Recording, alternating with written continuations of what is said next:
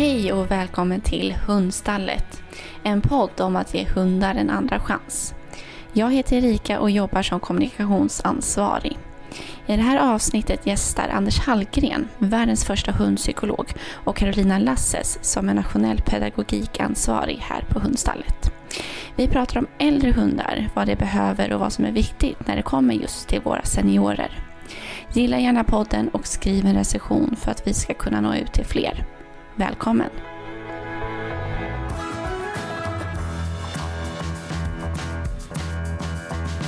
Idag så sitter jag med Carolina Lasses som är eh, Hundstallets nationella pedagogikansvarig. Men också Anders Hallgren som är författare och världens första hundpsykolog. Eh, Anders, vill du berätta först, hur, hur blev du världens första hundpsykolog? Uh, ja, det började väl som någon sorts protest mot 60-talets behandling av hundar. Eh, man sparkade och slog och eh, ungefär vid det skiftet så slutade man med att använda hundpiskor. Men det var an, annars ganska vanligt. Men rådet var det humana inom citattecken då, rådet, det var att slå hunden med en hoprullad tidning. För då låter det samtidigt som det Eh, eh, obehaglig för hunden. Och, och ryck, hårda, hårda ryck i koppel. Och, och då när jag började det använde jag själv koppel och halsband. Eh, och ryckte med varenda gång, jag ryckte inte hårt, men varenda gång som jag gjorde det så kändes det galet och fel på något sätt. Och, men det fanns, fanns ju ingenting att välja på. Så jag var tvungen att försöka hitta alternativ hela tiden. Men där började det.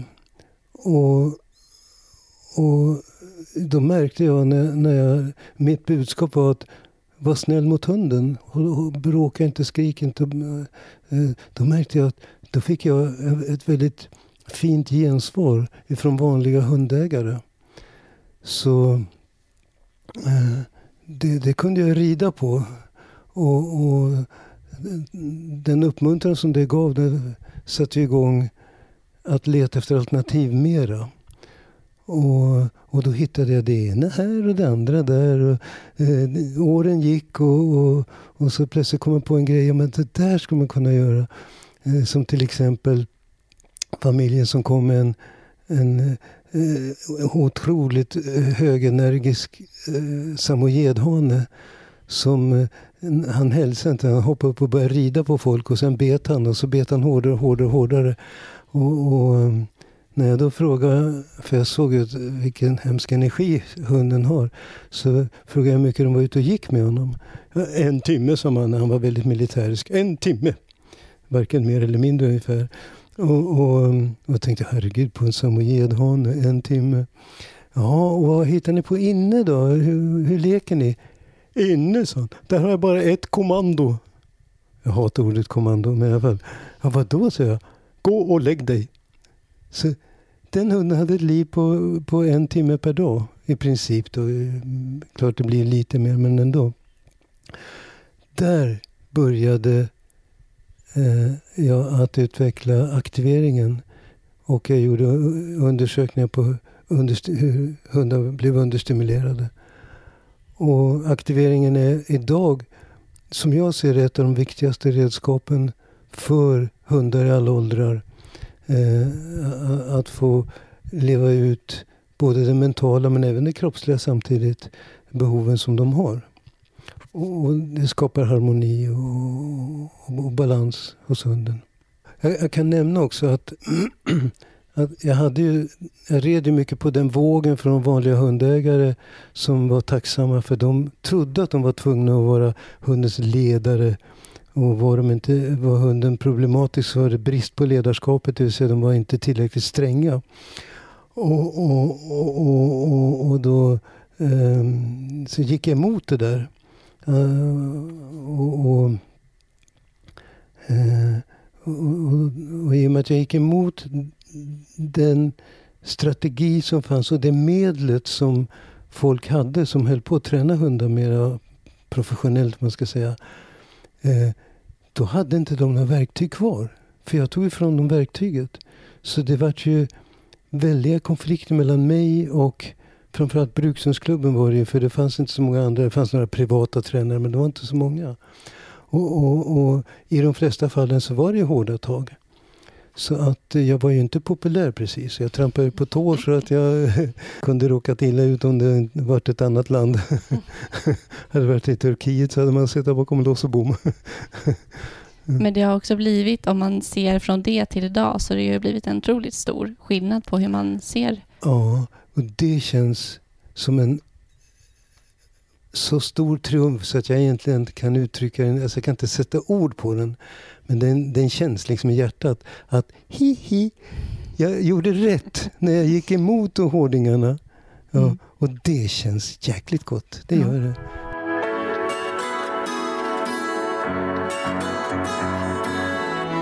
Du är ju psykolog, eh, humanpsykolog. Eh, är det, är det, var det ditt påfund att kallas för hundpsykolog eller är det något som någon annan kom på från början? Ja, det, det var... Det var... Det bara blev så. Det bara blev så. Ja, och när jag tog studenten så, um, så var en Expressen-reporter uh, för, för, att då hade jag sagt till henne uh, tidigare att, att uh, jag ska försöka komma in på psykologiska programmet.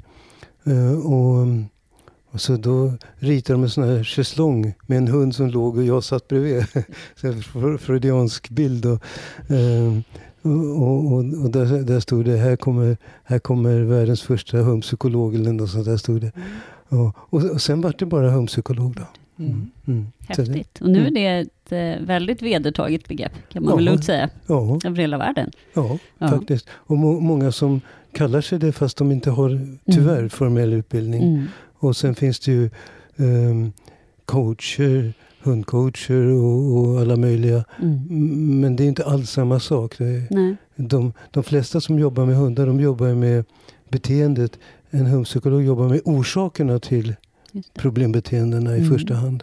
Kartlägger dem. Mm. Så det, och, och, det är också det som ger bästa hållbarhet i längden. Mm. Om en hund till exempel är aggressiv och man, man eh, försöker att träna hunden att inte vara aggressiv så kommer aggressionen normalt sett tillbaka om, om inte hunden är väldigt illa straffad så den inte vågar. Men då får man andra hemska mm. symptom istället. Då. Mm. Eh, men eh, hundpsykologen letar efter orsaken och det kan vara en sån enkel orsak som att hunden har ont. Och botar man inte hunden har ont, ja, då, är, då är hunden snäll hela... Försvinner aggressionen. Mm. mm. Mm. Vi, eh, du har ju skrivit jättemånga böcker. Hur många böcker har du skrivit, Anders? De är översatta också till massa ja, olika språk. Jag tror det är 36 eh, böcker nu. Mm.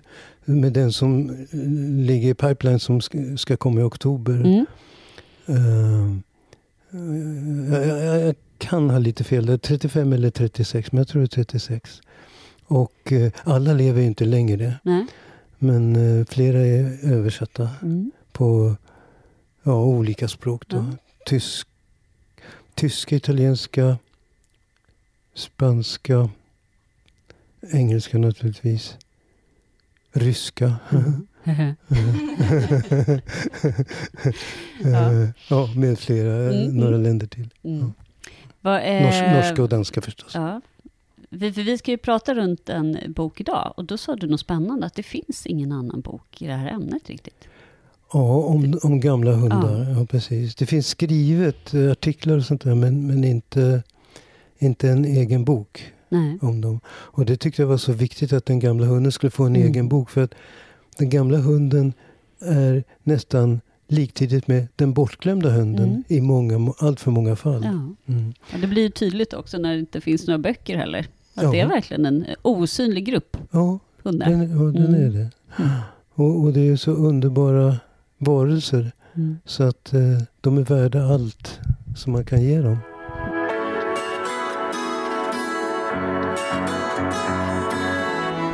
Men jag tänker att vi, ehm, ja men som vi sa, vi ska ju prata om seniorerna idag. Eh, och om vi börjar med att kanske definiera vad är en senior? När blir det en äldre hund? Det är olika så som jag förstått det. Ja, olika på raser. Mm. Sen är det faktiskt individuellt också. För att en del hundar, jag vet som jag såg, en jättepigg och glad eh, valp som blev ungefär ett och ett halvt år och det var en sån energi. En liten, liten kortbent hund.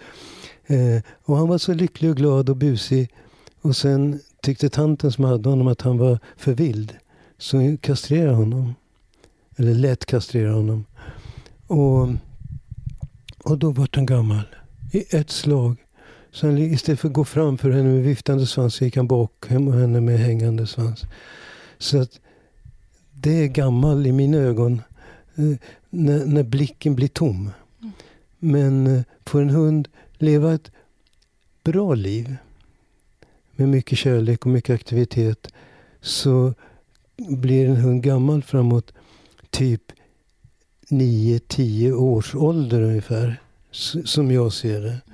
Och, och, och, då bedömer jag det kroppsligt naturligtvis. Men också mentalt. Att de blir tåligare, lugnare. Och så emotionellt också. Det blir inte, det blir inte samma utbrott av, av känslor och sånt där som hos en en, en, en yngre hund. Då. Och vi, det är ju inte bara vi tre här idag utan vi har ju Vilda och Tindra, eh, mina hundar som är här under bordet. Eh, och Vilda fyller ju 11 nu och Tindra 8. Eh, och jag har även haft en hund tidigare från hundstallet som jag köpte när hon var 10. Och jag kan också känna igen mig i det att jag tror inte att jag ser varken Vilda eller Tindra som gamla hundar för att de är så pass ja, men, fyllda av energi och eh, har liksom inga kroppsliga bekymmer. Så att eh, det är mycket det som du säger att det ålder kanske bara är en siffra tills den tar ut sin rätt. Ja, det är det. Att, För när jag såg dem så hade jag ingen aning om att det var annat än ja, typ två, treåringar. Nej. Så att, eh, så ja, men det är ganska fint tänker jag att att de får, att det inte behöver liksom definieras så, utan det är individuellt. Absolut, absolut. Och, och också att det livet som de har, det är så otroligt kort. Så att därför är det så viktigt att de inte blir gamla i förväg utan att de får vara unga och, och glada och lyckliga så långt det någonsin går. Mm. Ja, och det vet jag. Jag har ju varit på apporteringskurs nu med Vilda, den, eh, ja, men kanske precis innan jul där. Och alla blev väldigt eh, ja, men chockade just för att hon är så gammal. Och jag tänker det, eh, kurser och sånt är ju en toppengrej även om man är äldre att göra. Jag tänker att det är många som kanske tänker att man ska lägga av med det för att de har kommit upp med åren, men det funkar ju. Ja, jag kan berätta.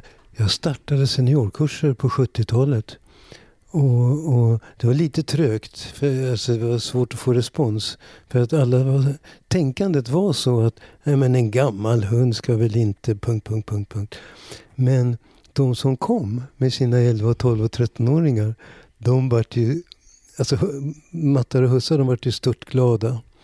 Och hundarna, vi skulle sett dem, hur de gick runt och viftade på svansen. Lite suddiga i blicken och lyckliga att få komma ut och träffa andra hundar. Och, och innehållet i, i, i seniorkurser, eh, som, som jag ser det, är bara mental aktivering. Ingenting annat. Alltså ro, olika roliga grejer att göra. Så, vi, eh, eh, så, så, så, det här körde vi, nu ska vi se, eh, slutet på 70-talet var det. Eh, för det var då när jag startade min hundskola i Arboga som jag hade en gång i tiden. Och då körde vi Alltså, vi, inte speciellt ofta, men när det gick så hade vi seniorkurser. Och eh, framförallt de som gick instruktörs och hundpsykologutbildning för mig, de fick naturligtvis lära sig seniorkurser. Och det är flera av dem som har kurser än idag faktiskt. Ja. Och det är jättemysiga kurser. Ja, men det är väldigt viktigt att eh, inte bara stänga av det på grund av en ålder, tänker jag. Ja, jag, skulle, jag skulle till och med vilja säga, i och med att jag har den möjligheten, uppmana folk som håller på att ha kurser att lägga in seniorkurser. Mm. Så viktigt tycker jag det är.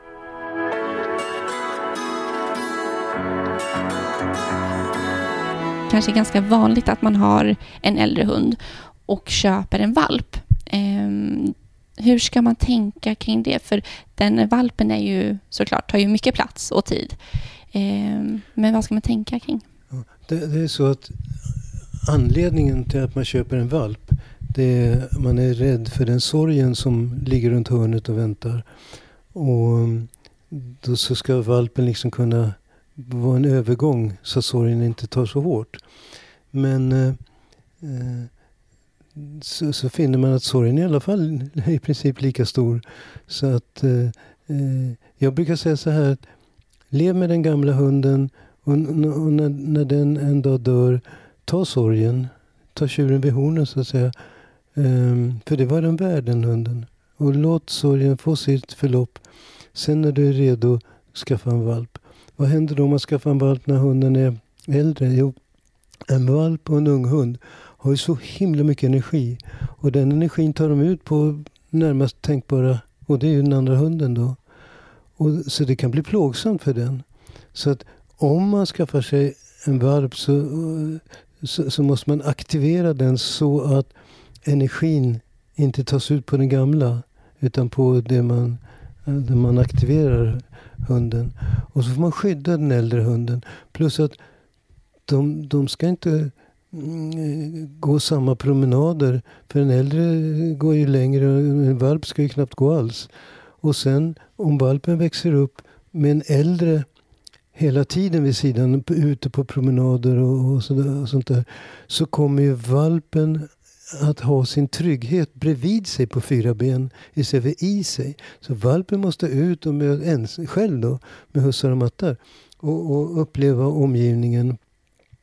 Eh, och, och, och, samma sak om den äldre hunden plötsligt skäller till eh, väldigt skarp, skarpa skall för att den hör någon som knackar på dörren eller vad som helst de här, det här plötsliga starka skällandet, det blir en chockeffekt på valpen. Så, och sen kommer en främmande person in. Då kan valpen vara i ett, så rädd så att, den, så att den börjar bli rädd för främlingar. Så att små valpar och, och, och äldre hundar är inte alltid en så lyckad kombination. Nu, nu har jag gjort det här två gånger, Anders. Jag, jag är en av de där som har... Nej, jag håller med jättemycket du säger. Man måste... Mm, det är verkligen ingenting som man lämnar upp till hundarna. För det är jätteviktigt att skydda den äldre hunden. Och se till att det inte blir på bekostnad av eh, den äldre hunden. Och det är jättemycket som du säger att man måste lägga, det blir som att ha två hundar eh, separat fast samtidigt. För man måste se till att den här valpen hittar sin trygghet och får mm, ja, vänja sig vid företeelser, miljö och socialisering och allt vad det är på sin eh, tass, så att på egen tass, så att man inte står där själv sen. När den äldre hunden inte finns längre och så vågar man inte möta omvärlden själv. Eh, däremot så det som i, i mitt fall vid, vi, så härligt som två tillfällen, det är ju att den äldre hunden har levt upp väldigt mycket.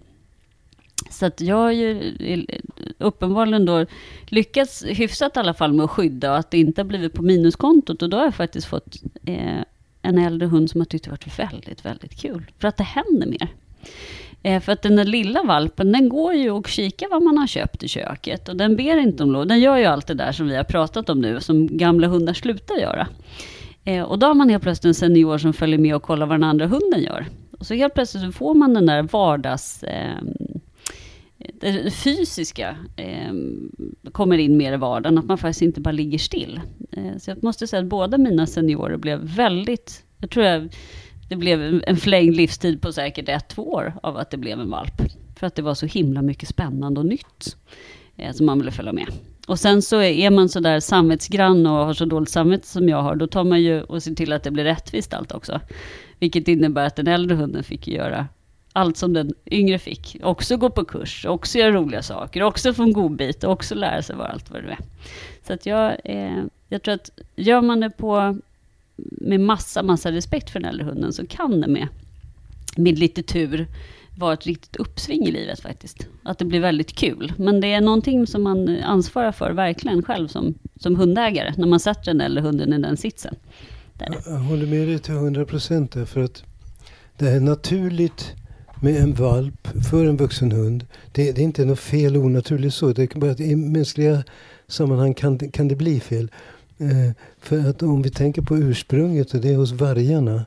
Eh, så är ju en ny kull valpar. Det kommer hela tiden. Och de äldre de, de tar ju hand om valparna. De, de är ju så eh, mammiga allihopa. Det är stor uppståndelse i en vargflock när det kommer valpar ur lyan. Då, eh, vid tre veckors ålder runt där. Så, så, så, eh, eh, så hela flocken lever upp liksom. Eh, och, och, och, de kan ha väldigt mycket glädje av varandra men det, man måste vara med och styra. Mm.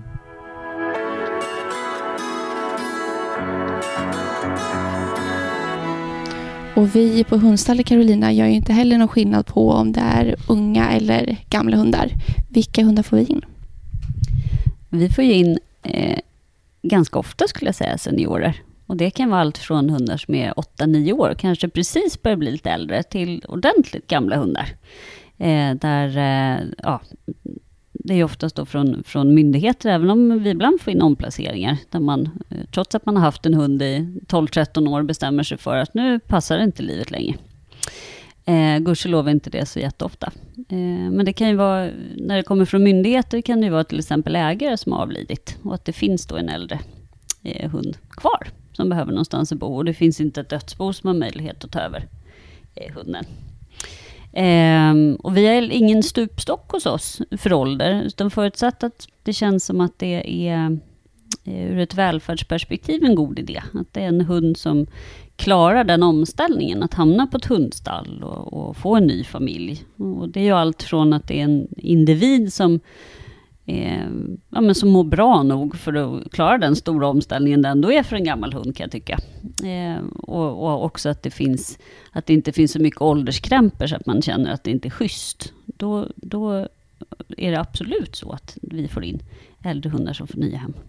Just nu har vi två stycken äldre vovar Sen eh, som ligger ute och letar nya hem och det var inte alls så länge sedan vi, vi omplacerade Challe som har varit på Youtube med oss och, och gjort massa roliga aktiveringsövningar. De var det jättebra nu. Så att jag skulle säga att det händer ofta.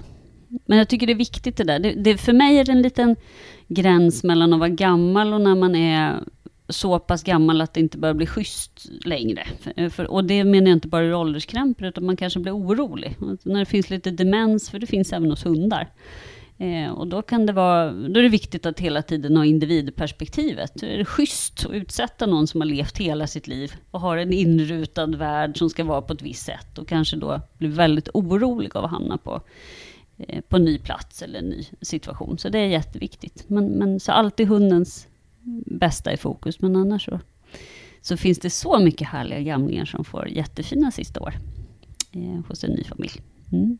Jag tänker, vi var ju lite inne på det också innan och så som vi då tänker när vi ska omplacera eh, hunden. Just hur, när de blir äldre, hur mentaliteten eh, förändras och det här emotionella.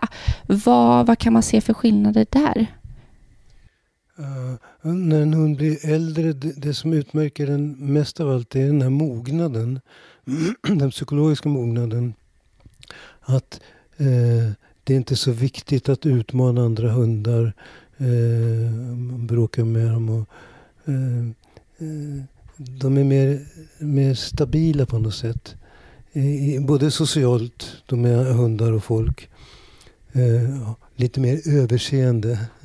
Att eh, ja, ja, själv du kan, säga, kan en äldre hund säga till en yngre eh, och, och gäspa. Och den yngre liksom bara ger upp. Sådana grejer. Eh, de har ju ofta någon, någon inbyggd eh, liksom, sfär runt sig också, någon ambians runt hela sig. Det är ju få små hundar som håller på, yngre hundar som håller på och muckar med gamla hundar. Ja. Det är som att de bara glider omkring ja, ja. och är lite sådär fredade tycker jag. Ja, ja. Mm, jag har sett hundar som gäspar, sätter sig ner och kliar sig när de är utmanade av en yngre hund. Och den yngre hunden blir så undergiven och går undan. så, så att han undviker den äldre. På sådana grejer.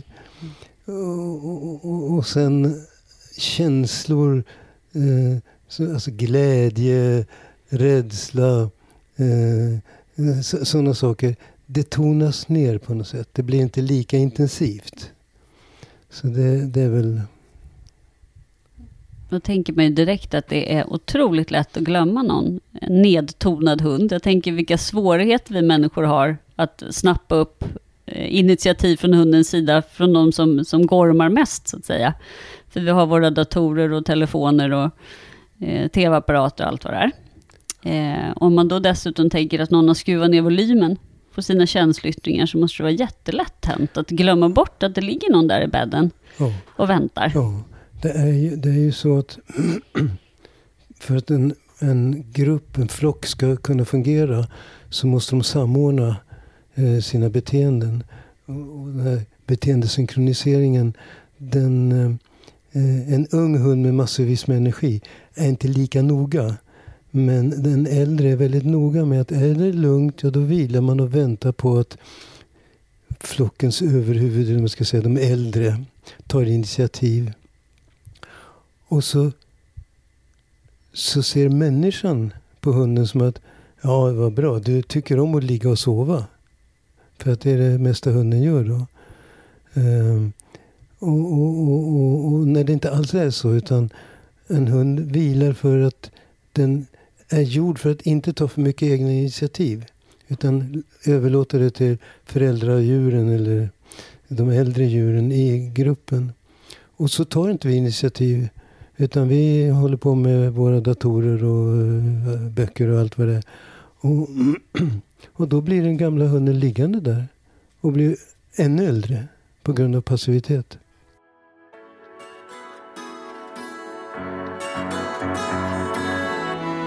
Och jag tänker just, alltså det kan väl, allt det här som vi pratade om förut går ju hand i hand med varandra. Eh, men just när de då inte får den typen, alltså jag tänker interaktion just alltså kroppsligt, att man inte liksom eh, är med dem, men också aktivering. Ehm, så tar du upp i din bok just här, the silent symptom, det eh, tysta symptomen, symptomet. Vad, vad betyder det? Och det, det betyder att ehm, hunden inte gör något väsen av sig. Eh, en, en hund protesterar inte. Eh, knackar inte på en och säger Hörru du, nu vill jag att det ska hända någonting. Utan det, det, det, de, de, de ehm, samordnar sig. De är så förtvivlat anpassningsbara. Så de anpassar sig till riktigt, riktigt dåliga psykologiskt dåliga förhållanden. Och då menar jag inte med, med skrik och hårda tag. Utan jag menar att inte bli uppmärksammad. Att bli liggande. Och jag har haft hundar som har vilat av dygnets 24 timmar. 23 timmar och 45 minuter. De har alltså 15 minuter att leva på. Och det är den där hemska anpassningsbarheten. Hundarna är för anpassningsbara för oss människor.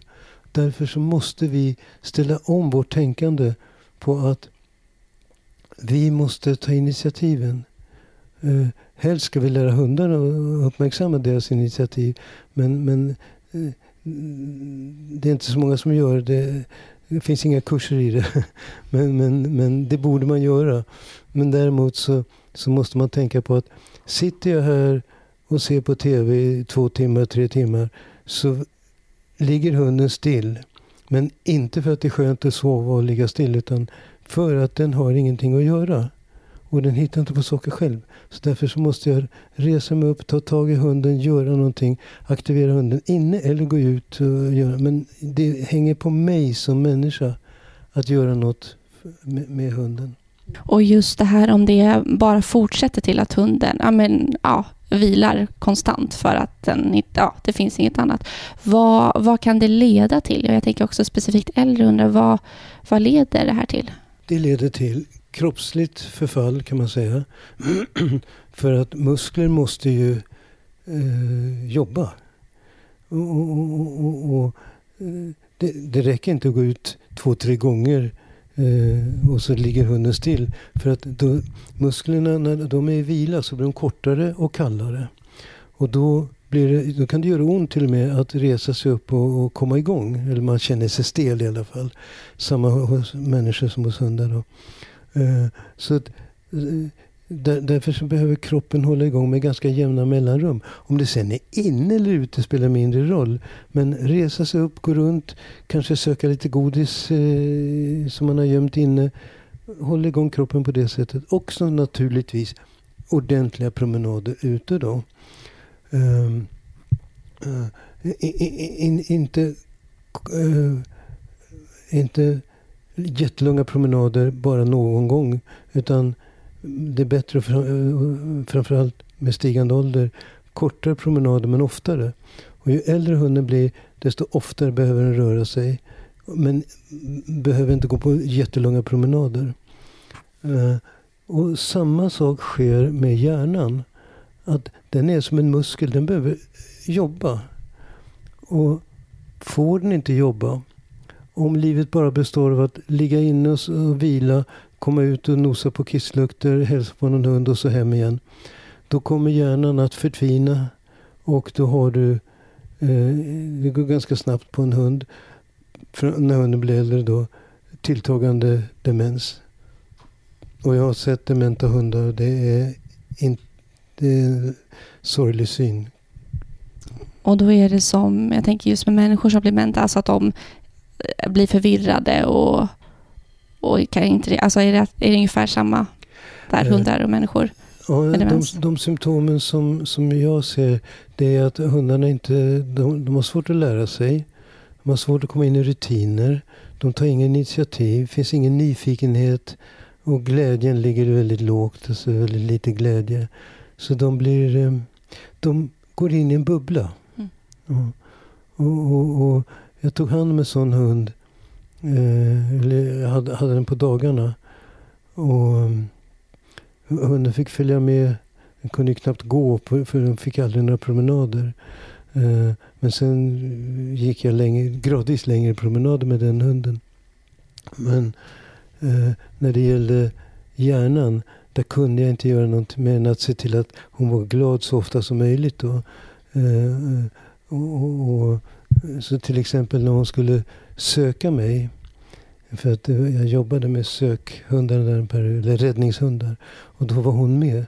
Och, och då, när hon skulle söka mig, då, hon kunde inte lära sig att, att starta och söka mig. Så jag var tvungen att vinkade lite grann som såg mig. Och sen ställde jag mig bakom en, en, en typ en, en, ett, som ett litet träd som kunde se delar av mig. Då kunde du söka mig. men, men, eh, så hjärnan är svårare att reparera. Tar längre tid egentligen än, än kroppen. Mm.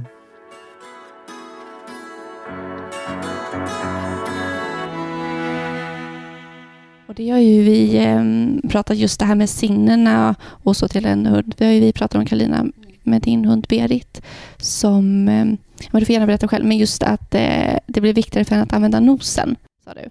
Ja, jag upplevde det jättetydligt när både eh, hörsel och syn blev sämre. Hon blev ju en rottweiler som blev 13 och ett halvt blev hon, så hon blev gammal för att vara rottis. Då upplevde jag att hennes hon prioriterade på ett annat sätt med sina sinnen. Hon var väldigt, väldigt ofta intresserad och behövde väldigt lång tid att lukta på saker för att informera sig. Eh, hon använde nosen på ett helt annat sätt än vad hon gjorde när hon var yngre. Eh, så att jag tänkte på det där med, även om man inte klarar långa promenader eller lära sig massa nytt, så det här att bara få vara ute. Att få möjlighet att, om man nu bara är på utflykt och bara står på samma plats, men att bara få i lugn och ro undersöka omgivningen, tyckte jag var jättevärdefullt. Och göra saker man känner igen och bra på. Om man nu inte är sådär eh, av olika anledningar pigg att man klarar av att lära sig jättemycket nytt. Så att alla hundar klarar ju definitivt att få en god bit eller hitta en godis eller vad det nu kan vara. Att eh, man liksom känner igen saker i vardagen som man kan se fram emot. Det behöver vi alla på något vis. Att ha. Och det, kan vara, det kan vara saker som att man har vissa, på den stenen får jag alltid en godis, eller vid det trädet så gör vi alltid det här. Ehm, för att det, de hundar som jag har träffat som blir dementa, där kan det också finnas en viss mått av oro. Att, att, att om det blir för mycket oförutsägbarhet och nyheter, att det blir för mycket av det goda, kan det bli. Eh, och där kan man behöva absolut inte sluta och hitta på saker, men hålla sig till saker som man känner igen och så att det blir ganska förutsägbart och inrutat. Så att man inte hamnar på minussidan. Eh, men sen är det ju, snacka om moment 22 tänker jag, med att ligga still mycket. Om vi tänker på ålderskrämpor med artros och stela muskler. Och så ligger man ännu mer still, för det gör ont att gå upp. Och då tolkas det som att man är ännu mindre sugen på att gå ut. Det går ganska fort det där. Så att, att hålla stil på både hålla kroppen igång och hjärnan igång är ju absolut bästa sättet att, att behålla en kompis länge. Det är ju en, en eh, är väl, väl investerade insatser, måste man ju säga, från, från människosidan, att göra någonting. Mm. Och jag vet att eh, just det som också kan förändras, som du tar upp i din bok, som man kanske inte heller tänker på, jag tänker det är lätt, ganska lätt att glömma. Eh, för när de är vuxna så kan de vara ensamma kanske i ja, men ändå ett par timmar. Men att det här kan ju förändras när de blir äldre, att det liksom på något sätt går tillbaka. Och då vet jag att du tog upp i din bok flera olika tips på att ja, men man, man, kan ta med hunden, att tänka på det just så här när man åker på någon utflykt eller om man, det är ett ärende eller om man ska till en bekant. Att det är väldigt viktigt. Vad, hur ska man tänka just kring den ensamhetstiden med äldre hund? Det, det hänger ihop då med att den äldre hunden verkar så passiv, eller är så passiv, för att vi inte aktiverar den. Och, och eh, och eh, vilar den väldigt mycket då får den ju svårare när man lämnar den. För att det är ändå människan som är, som är eh, redskapet för hundens aktivitet. Eh, så, så, men eh, jag, jag, jag, tror att med den här, om man bara tänker på att jag är viktig för min hund att hitta på saker. Eh, och se till att kroppen hålls igång och hjärnan hålls igång. Eh, inte överdrivet mycket men vardagsmässigt. Och, eh, så, så då, då, då, då, då, tänker man också att, att nu ska jag till exempel till tvättstugan, säger vi. Eh, det är ett snabbt ärende. Men att man då tar med sig hunden. Så hunden känner att, att det i alla fall händer saker. Även om de är kort, kort stund så är, är det, de korta stunderna viktiga. Både för musklerna och för hjärnan. Och det tänker jag att eh, vi på hundstallet har en sån lyx att få ta med hunden till jobbet. För där händer det ju saker hela tiden. De är alltid med. Det är lunchpromenader och ja, men det är olika hundar. Att de får alla de olika intrycken och faktiskt inte ligger hemma. Det är ju en otrolig lyx. Men sen när vi omplacerar Carolina, vi har ju flera av de olika hundar som ändå får... Jag tycker vi ändå ska ta upp det här, vilken, att det, ja, men de som köper våra hundar, att det finns en väldigt fin tid även om man är äldre. Det brukar inte vara några problem. Så.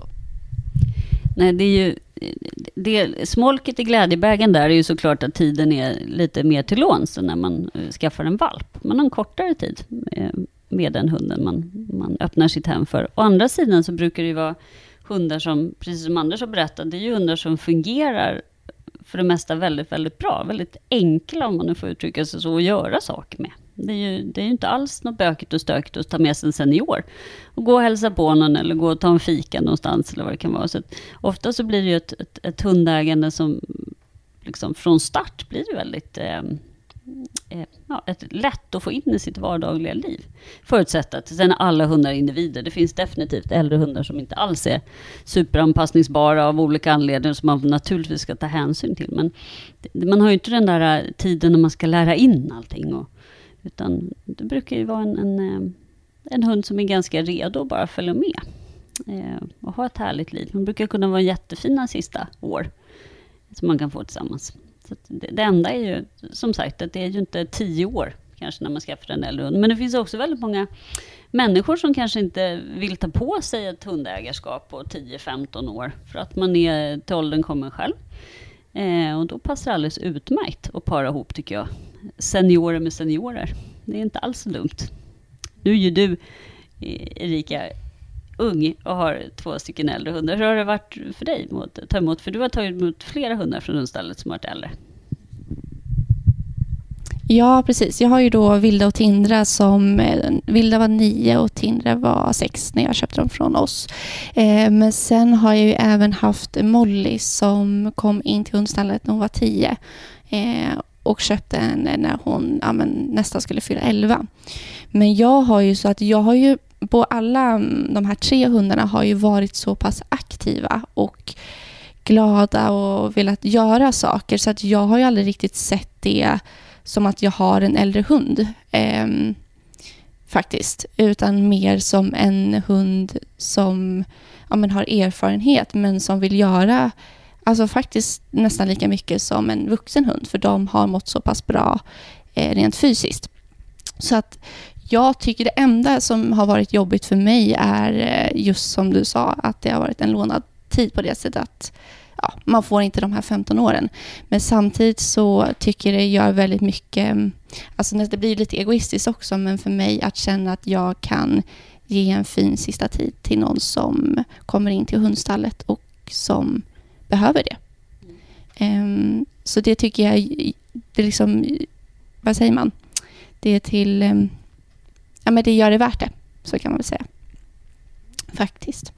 Um, men jag tänker också det, det du Anders tog upp i boken som jag tyckte var väldigt häftigt som man kanske inte tänker på är hundar som blir äldre som får gråa hår och att det påverkar eh, djurens språk med varandra på något sätt.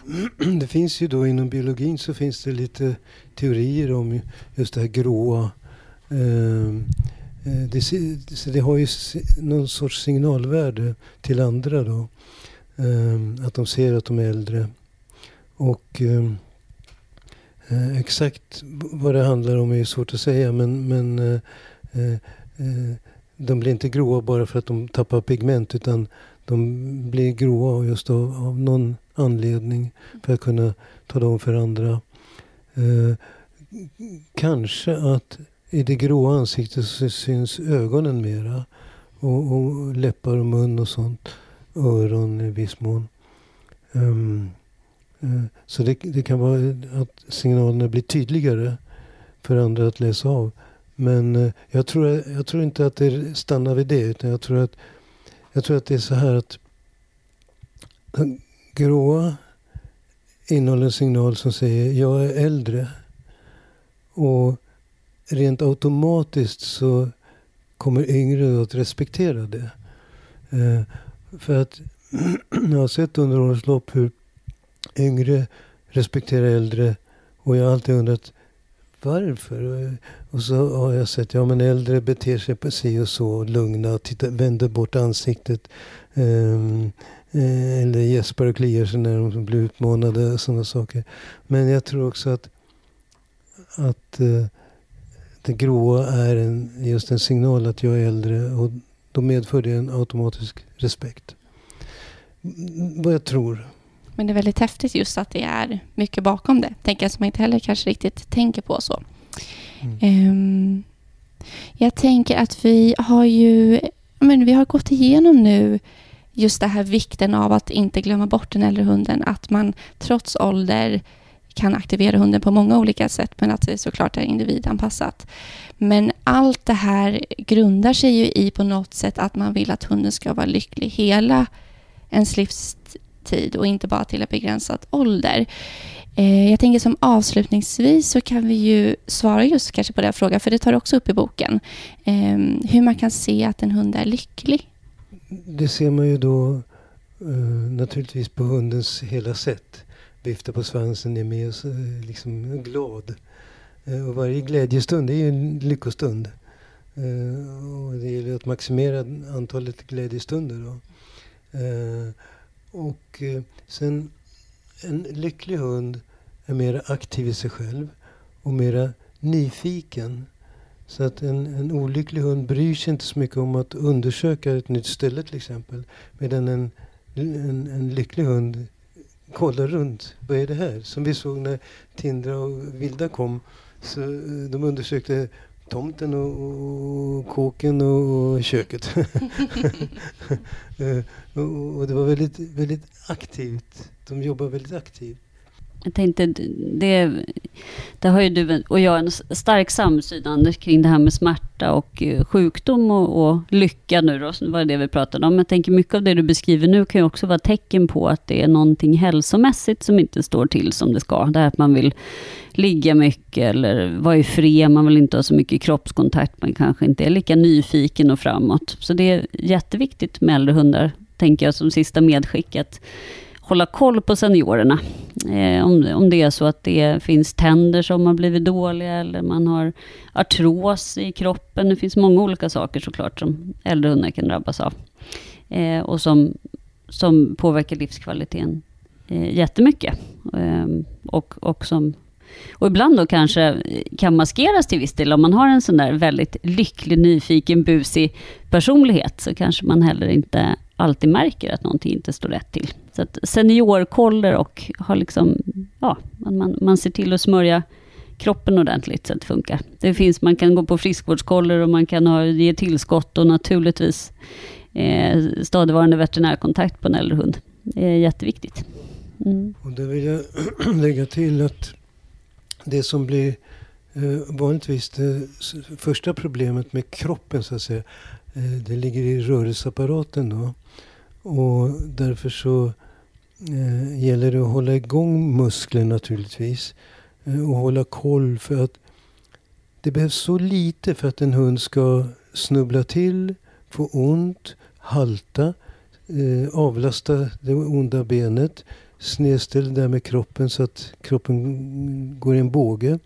Varvid musklerna på ryggen börjar att dra eh, på kotorna och man kan få en låsning i ryggen. Så lätt eh, är det hänt. Eh, och, och, eh, därför är det så viktigt att många promenader är för få. Även om de inte blir så långa. Och för, med stigande ålder då fler och fler korta. Och sen måste det inte alltid vara promenader utan att gå runt och söka inne eller öppna små paket inne, det är också rörelser. Och så vill jag lägga till daglig massage. Mm. För att öka blodomloppet, blodgenomströmningen i musklerna. Och det, behövs, det räcker med lekmannamassage. Och det fina med det, det är också att det frisätter oxytocin, det här upplevelsen av behag, behagfulla känslor då. Eh, som också knyter an i relationen, bondar. De blir mycket närmare varandra. Och det är också lycka. Att känna samhörighet och anknytning och, och vara ihop. Så, och, och, de flesta de masserar sina hundar varje dag utan att tänka på det. För de, de klappar och smeker och, och håller på med dem. Mm, men ju mer, ju mer sånt, desto bättre är det. Och då ska vi också tänka på att oxytocin är en, en av de mest eh, effektiva stressdämparna som finns. Så man ser den gamla hunden, absolut. Och så sitter jag och tänker på nu alla äldre hundar som har kanske en tränings och tävlingskarriär bakom sig. De har, liksom, de har varit föremål för någons eh, självförverkligande, höll jag på att säga, det var lite elakt. De har säkert haft jätteroligt ihop och de har eh, varit ute och, och, och spårat och kört lydnad vad de har. Och sen så blir man bortglömd, man blir pensionerad från sin aktivitet. Jag tror att det är jätteviktigt att få fortsätta göra saker man känner sig bra på. Även om det inte är på någon elitnivå. Så att man fortfarande, du pratar om att köra sök med någon äldre hund. Att är det en gammal sökstjärna, att det fortfarande får innehålla de här små grejerna där det är jackpot, där man känner att det här kan jag. Eh, för det tror jag är jätteviktigt för alla. Jag tänker också om man vill läsa din bok, Den gamla hunden, och andra böcker så går det att gå in på din hemsida. Visst är det så? Och på Adlibris, Adlibris och Bokus, ja. alltså, och vanliga mm, vet du, bokaffärer. Ja. Vad heter det? Ja, bokhandeln. Ja. För den kan jag också verkligen varmt rekommendera. Den är toppenbra att läsa för att tackar, få tips. ja, men toppen. Tack snälla Anders och Carolina för att ni ville vara med.